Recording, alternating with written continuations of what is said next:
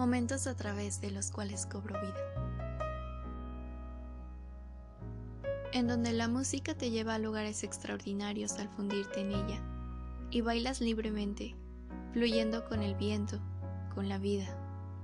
En donde existen abrazos sinceros, en donde me puedo encontrar a mí misma, ayudando a otros, haciendo lo que más me gusta, en una conversación de corazón a corazón, a través de otros ojos. En donde puedo sentir la brisa, jugando con mi cabello, la arena por mis pies y el mar en mis venas. En donde puedo encontrar a aquellos que están dispuestos a hacer la diferencia. En donde no me arrepiento de cada decisión que he tomado y solo puedo mirar al cielo y agradecer todo lo que he vivido. En donde los errores se convierten en lecciones y los problemas en retos. En donde puedo detenerme, prestar atención a todo lo que estoy sintiendo y liberarme de todo lo que ya no necesito. En donde existe en mí una sonrisa o río tanto que no puedo parar.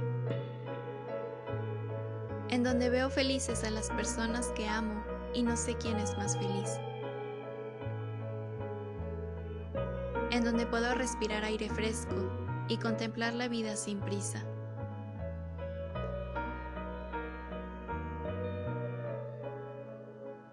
En donde puedo cantar, soñar, crear, aprender agradecer por todo lo que fue, lo que es y lo que nunca será.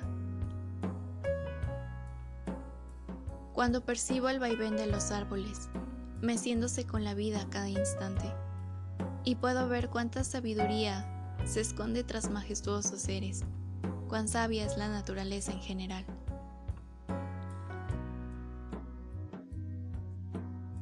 Cuando me encuentro con otro ser vivo y respeto su vida tanto como la mía,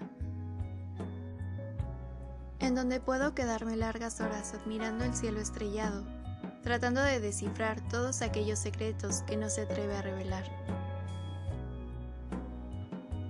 En donde me puedo fundir en un atardecer o amanecer que logro desaparecer para convertirme en él. En donde soy increíblemente feliz con los pequeños grandes detalles que la vida me regala a cada instante. en donde soy tanto luz como oscuridad y las amo por igual. En donde escribo todo lo que dicta mi corazón y mi mente cuando logran sintonizarse, aunque a veces lo hagan en el proceso.